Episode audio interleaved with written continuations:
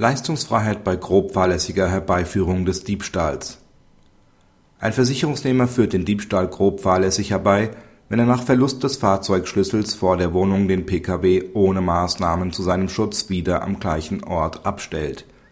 Der Versicherer ist dann zu einer vollständigen Leistungsfreiheit berechtigt. Die Klägerin versicherte ihren Pkw bei der Beklagten gegen Diebstahl. Nachdem sie den Pkw vor ihrer Haustür abgestellt hat verlor sie den Fahrzeugschlüssel auf dem Weg zu ihrer Wohnung und konnte ihn in den nächsten Tagen nicht wiederfinden. Auch eine Anfrage bei der Polizei und beim Fundbüro blieb erfolglos. Der Pkw wurde sodann von einem Minderjährigen entwendet und bei dessen Spritztour in Höhe von knapp 1000 Euro beschädigt. Die beklagte Versicherung verweigerte wegen einer grob fahrlässigen Herbeiführung des Versicherungsfalls eine Regulierung. Das Amtsgericht Kleve hat die Klage in der ersten Instanz abgewiesen diese Entscheidung wurde vom Landgericht Kleve als Berufungsgericht gehalten.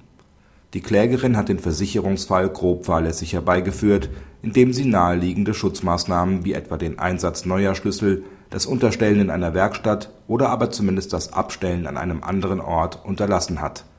Ihr Verschulden wiegt so schwer, dass die Beklagte bei der Quotenbildung nach § 81 VVG zu einer vollständigen Leistungsfreiheit berechtigt ist eine solche vollständige Leistungsfreiheit ist nicht nur bei einem vorsätzlichen, sondern auch bei einem grob fahrlässigen Fehlverhalten möglich.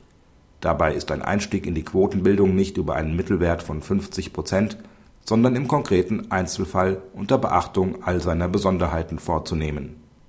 Praxishinweis Dass der Versicherer bei einem besonders groben Fehlverhalten jedenfalls zu einer vollständigen Leistungsfreiheit berechtigt ist, wird von der Rechtsprechung zwischenzeitlich anerkannt es handelt sich hierbei im Wesentlichen um Schäden, die durch Trunkenheitsfahrten verursacht werden.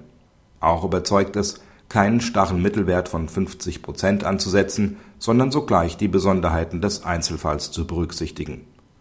Das besonders leichtfertige Verhalten der Klägerin rechtfertigt in dieser Fallgruppe sicherlich eine Kürzungsquote von über 50 Prozent.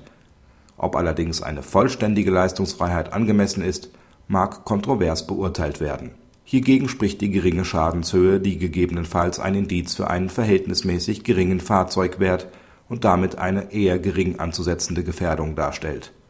Auch sind deutlich gravierende Fehlverhalten denkbar, beispielsweise der deutlich sichtbare Schlüssel, der im Schloss gegebenenfalls bei laufendem Motor steckt.